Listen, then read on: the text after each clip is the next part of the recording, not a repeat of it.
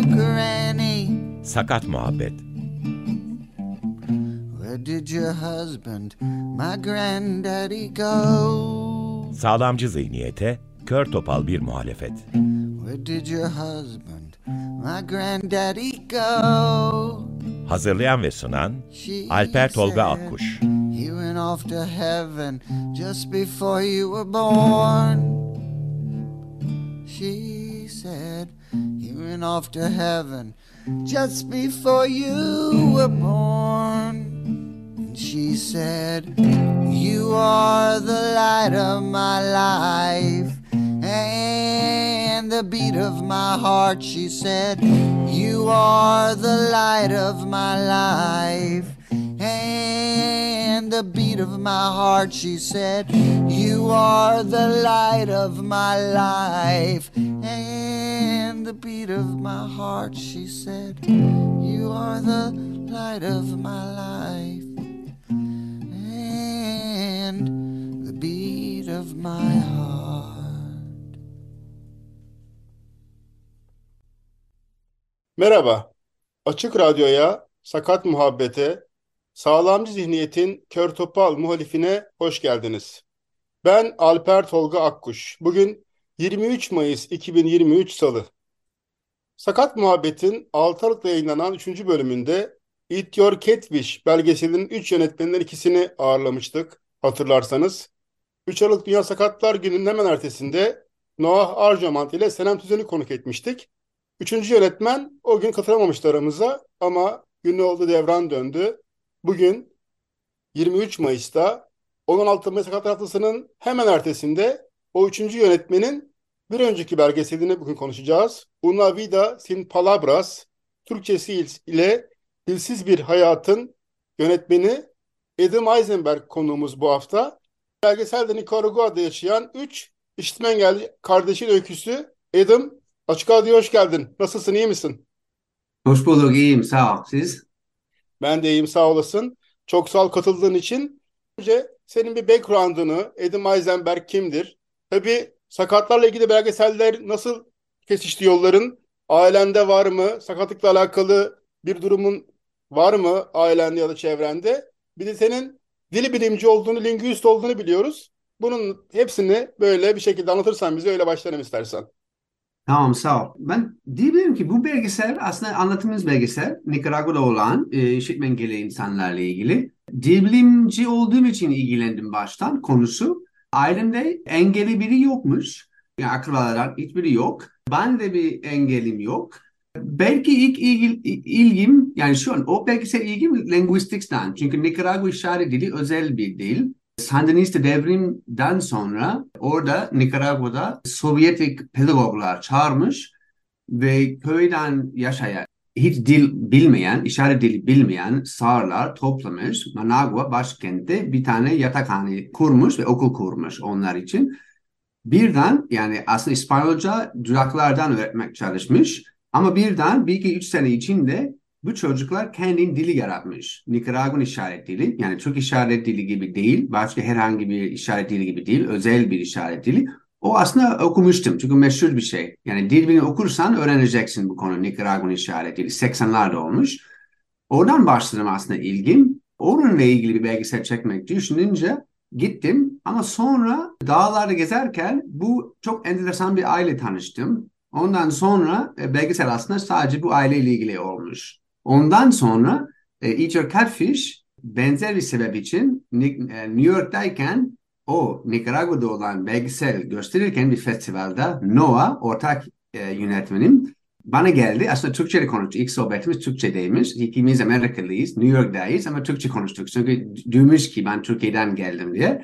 Kendini tanıştırdı. Ve sen de ondan sonra bir sene sonra falan düşündü. Aa, adam ilgileniyor bu konular. Belki yapmak ister benimle bu diğer belgesel ve çok ilgilendim yaptık. Ama aslında özel bir ilgim yok diyebilirim. Ama genelde belgeseller bence başka birinin hayatı gösterirse güçlü olur. Hatta belki e, engeli olmadığım için belki o yüzden daha çok da ilgilendim diye olabilir. Zaten Noah'ta konuğum olmuştu benim. O demişti. Belgeselde gördüm, izledim. O da kendi annesinin hayatıydı zaten Eat Your Catfish'in hikayesi. Kendi Hmm. annesi olduğu için de hemen size Senem'le sana hatta işte yazışıp, mail atıp, ikna edip yaparız yaparız. O da o şekilde yönetmen olmak niyeti yokmuş aslında. Hikayeyi size verecekmiş, siz yapacakmışsınız ama sonra süreçte o da yönetmenlerden birisi olmuş. Aslında Tabii. iyi de olmuş. Sakatlar dünya, sakatlar sakatlık haklarına giriş oldu. Bundan sonra belki de böyle gidecek senin de durumun. Bu arada şimdi tabii belgeselin ödüllerini ben bir anlatayım. Ben seyrettim belgeseli. Çok iyi bir belgesel. Konuşacağız detaylı. Bir sen demiştin ya Sandinista devrimi. Belgeselin girişinde bir altyazı var. 30 sene önce 2011 yapımı onu söyleyelim önce. 30 sene öncesinde işaret dili Nikaragua'ya yeni gelmiş bir şey yani. Daha önce bilinmeyen bir şeymiş. Onu anlatıyorsun ve oradan sonra da işte orada bir işitme engelli öğretmeni de var. Kendisi de işitme engelli.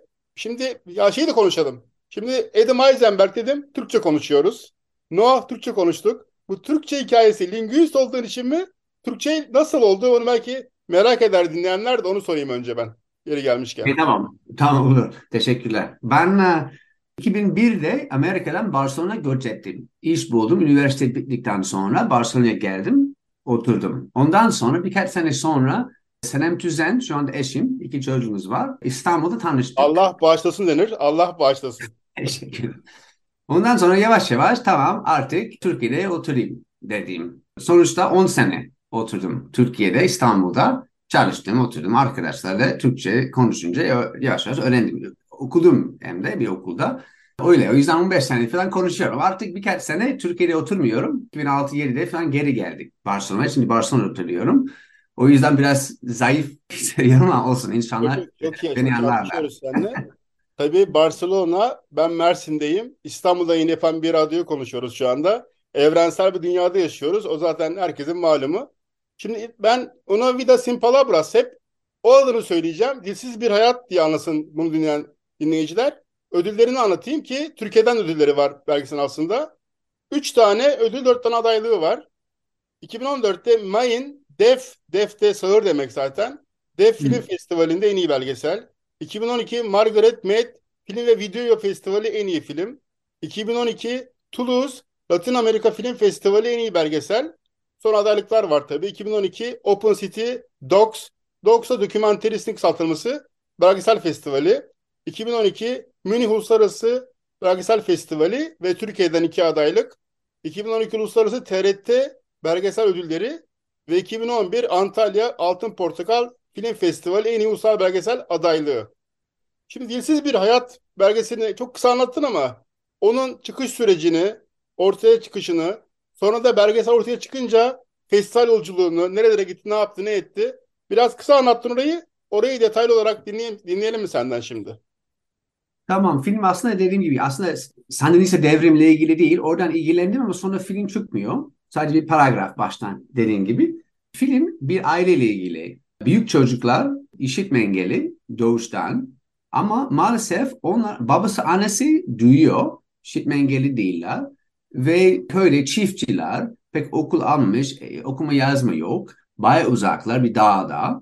Aşırı uzak. Biz bir, bir kaldığımız yer iki saat her gün gittik otobüste onları bulmak çekim için. Bir altı hafta oradaydık. Bu aile iki çocuk, ya çocuk değilim ya e, büyükler yani 22 yaşında Francisco ve Dulce Maria 28 yaşında o zaman da. Ve hakikaten İspanyolca bilmiyor çünkü işaret e, okula gitmiş dudaklar okuma için, okuma öğrenme için ve Nikaragua işaret dili de bilmiyorlar. Çünkü annesi babası hiç sağır okula göndermemiş, bilmiyormuş hakikaten. Ben anlattım ona bir dil var, işaret dili, hadi ya falan bilmiyordu. O zaman çocuklar büyümüş, o yaşa kadar gelmiş ve hiç yani kelime de bilmiyor, işaret de bilmiyor. Nasıl kalıyorlar ki ben orada ve bazı ülkelerde bulabilirsin insanlar, çocuklar mesela işaret, işaret dili bilmeyen, işitme engelli çocuklar bul, bulunur. Ama o kadar büyük biri bulmak ben e, çok yani çarptı beni. Biraz şok oldum hakikaten. Sonra bir tane dernek var orada. İşitme engelli insanlar gezip genelde çocuklar Nikaragua işaret dili öğretiyorlar. Çok az parayla çalışıyorlar. Daha çok e, destek lazım aslında bu dernek. Çünkü az kişi, 3-4 kişi bütün ülke için. Onlara anlattım aile. O dedi ki biz, biz orada vaktimiz yok. Biz gideceğiz. Ben ki okey. Ben, siz gidince ben de olacağım kamerayla. Sonra aile tanıştım. Onlar uzun zaman yani uzun süredir kaldım. Sonra şey görüyoruz. Aile hayatı dilsiz bir hayat. Dilsiz deyince şey mi çalışıyorum? Çok önemli bir konu. İşaret dili bilen bir işitme engelli insan aynı bizim gibi konuşabilir, her şey anlatabilir. İşaret dili aynı Türkçe gibi hiç fark yok. Ya şey anlamda kapasite, kelimeler vesaire. Ama eğer bir işitme engelli insan hiçbir zaman işaret dili görmese elbette öğrenmeyecek ve hakikaten dilsiz kalıyor. O yüzden bu film aslında sağlarla ilgili değil, dilsizlikle ilgili. Sonra bu insanlar, iki kardeşler, kendi ismi bilmeden, Nikaragua'da olduğu bilmeden, hangi sene olduğu bilmeden ama çiftçilik biliyor, çiftçilik yapıyor orada. Bu yandaki köy, bu iki saatten bir köy, bu hoca, işitme engelli hoca geliyor ve ondan ilk kelimeler öğretiyor filmde ve görüyoruz. Ve genelde onun etraf ve çevresi anlıyoruz. Sen filmde şey de var, o da dikkatini çekti. Mesela anne çok ilgili, o da eğitim alıyor. Ama baba onlar tamamlanmamış, onlar sakat, onların yardıma ihtiyacı var gibi konuşuyor filmde. Ben de engelli bir insanım. Benim de ailemde öyle. Annem kadın kendini parlamış ben çocukken, bebekken buna bir tedavi bulayım diye. Babam da işte kader ne yapalım okumayacak, kalacak gibi. O aslında o da evrensel bir şey. Bu arada Evet. tam da ortalarına geldik programın Edim. Senden de bir istek varsa bir şarkı çalalım dinleyicilerimize. Sen anons edersen çok sevinirim şarkıyı. Tamam, okey. Sev- çok sevdiğim şarkı. Bir direniş şarkı. Katalanca'da. İsmi Lestaca. Şarkıcı Luis Yak. 1968'de faşist diktatörlük zamanında altında herkes biraz umutsuz kalmış. Bu hiçbir zaman değişmeyecek diye bir his vardı. Bu şarkı çıktı, biraz yer aldı. Çünkü o zaman da kolay değil böyle bir şarkı söylemek hem de Katalanca'da söylemek. Ama bu şarkı Katalonya'da çok önemli ve çevirmiş birçok değil ama hiçbir zaman Türkçe maalesef çevirmiş. Çevirsin valla çok isterim. O zaman ben biraz çevirdim. Birkaç sözler söylesem Tabii tabii olur tabii olur. Olur. Tamam. Bir, bir diyalog. Biri bir amcayla konuşuyor. Diyor, size dede, görmüyor musun sen de hepimizin bağlandığı bu direği? Eğer kendimizi çözmezsek hiçbir yere varamayız. Hepimiz çekersek düşecek ve daha fazla sürmeyecek. Kuşkusuz düşecek, düşecek, düşecek. Artık çürümüş olmalı. Eğer buradan serçe çekersen ve ben de oradan serçe çekersem kuşkusuz düşecek, düşecek ve özgür olabileceğiz. Şarkının isminin Türkçesine. Şey, direk, kazık, herek de olabilir. Evet, Sakat Muhabbet'te devam ediyoruz. Konuğumuz Edim Eisenberg, Nikaragua'dan üç sağır ve dilsiz kardeşin hikayesini anlatan Una Vida Sin Palabras, dilsiz bir hayatın sürecini konuşuyoruz. Ve bunu da şöyle denk geldi bu haftaya bu konu. Kültürhane, Mersin'de, Kültürhane'de Cumartesi günü 20 Mayıs günü Edim bu filmi gösterdik ve Edim'a da bağlandık. Yani internet üzerinden. O vesileyle de dedim ki Edim madem bunu konuştuk seninle Sakat Muhammed'e konuk ol. Şimdi senle yazışırken abi şey demiştim ben önce Una Vida'sın palabrası sessiz bir hayat diye çevirmek çevirmiştim. Sen hemen müdahale ettin. Sessiz değil dilsiz dedin. Bir Türkçe'de bilmiyorum diğer dillerde böyle bir şey var mı da konuşulan dil, sözcükler de dil ama ağzımızdaki organ da dil. Diğer dillerde böyle bir paralellik var mı? Sen Var aslında evet. Katalanca'da da var. Lengua hem dil hem lisan demek. Aynı şey. Şimdi Aynen. sen dedin demin bu film sağırlar hakkında değil aslında dil hakkında. Çünkü filmde şey de var. Ara sıra inekleri gösteriyorsun. İnekler bayağı bayağı rol alıyor filmde. Orada şeyi düşündüm ben. Sende de belki o vardır. Onlar nasıl iletişim kuruyor acaba? Onlar nasıl konuşuyor acaba? O da var yani. Sadece insanları değil, hayvanları, toprağı onu da gö- gözlemliyorsun filmde. Ben onu hissettim en azından. Şimdi Türkiye'de yaşadığını da duydum. Film Türkiye'de gösterilmiş. Türkiye'deki sağır komüniteyle iletişim kurdun mu? Yani Nikaragua'da, Barcelona'da, Türkiye'de, dünyada sağır toplumuyla ilgili senin deneyimlerin nedir? Ne gibi ihtiyaçları var? Neler söyleyebilirsin onlar hakkında? Ya ben aslında bu film çekmeden Nikaragua işaret dili öğrenmek çalıştım ve böyle biraz çakpat öğrendim. Yani sohbet edebilirdim birazcık e, Nikaragua engelli insanlar ile. Sonra o kadar sevdim ki bir işaret dili öğrenmek. Aşırı keyifli.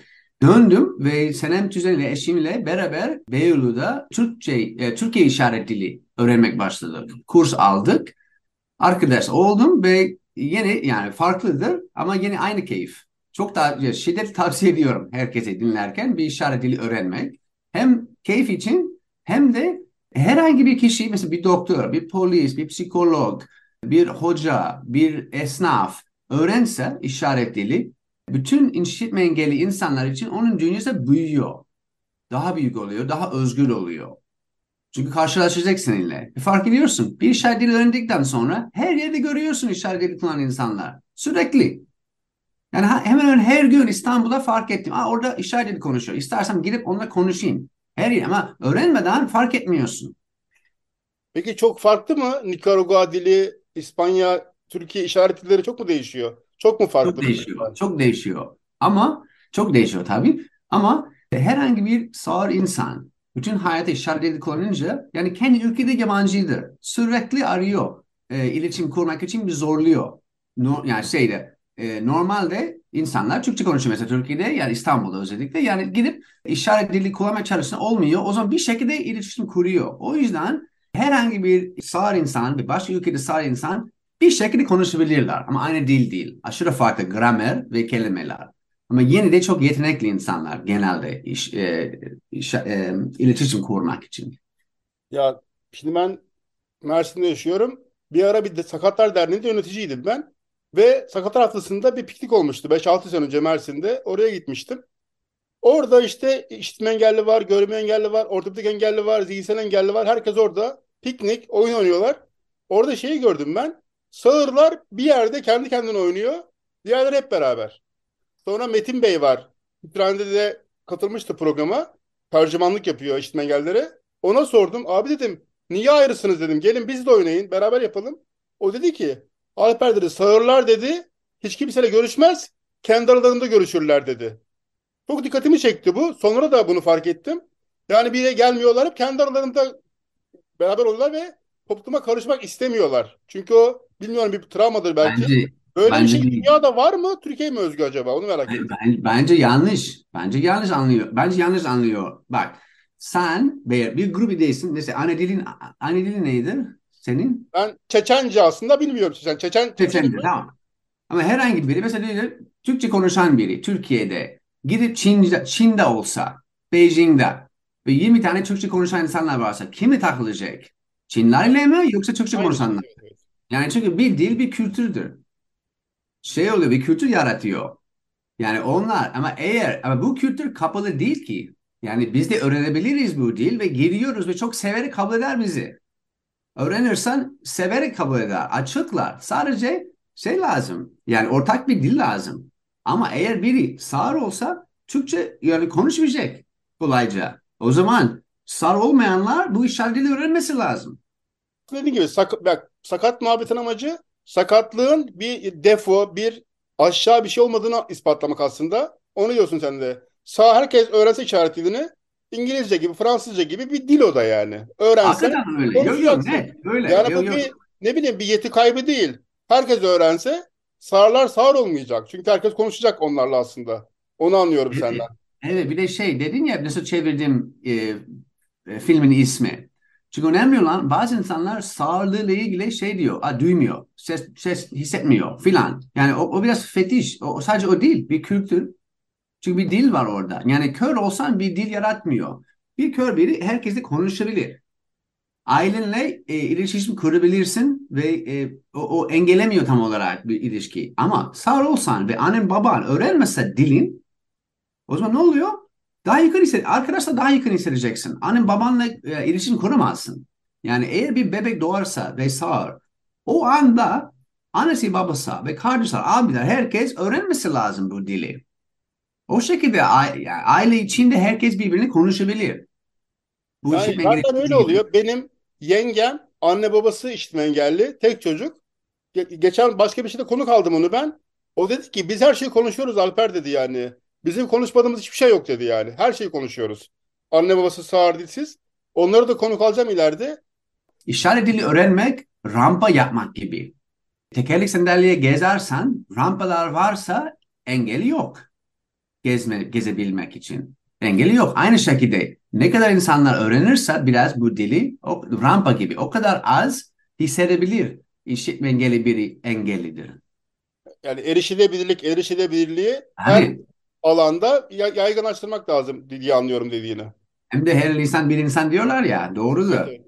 Yani hakikaten kafam açtı. Öğrendikten sonra ve sohbet ederken şey fark ettim. Hakikaten biraz beyni, grameri görsel olunca yani görsel grameri bir Evet, evet. beyin masajıdır ya. Çok çok keyifli bir duygu. Va- Vallahi neyse. Ne kadar tavsiye ederim herkes öğrenmiyor kızıyorum. Arkadaşlar öğrenmeden, öğrenmenin, öğrenmeyen. çok az galiba öğrenen yani. Çünkü dediğin gibi bir dil aslında ve çok da faydalı bir şey.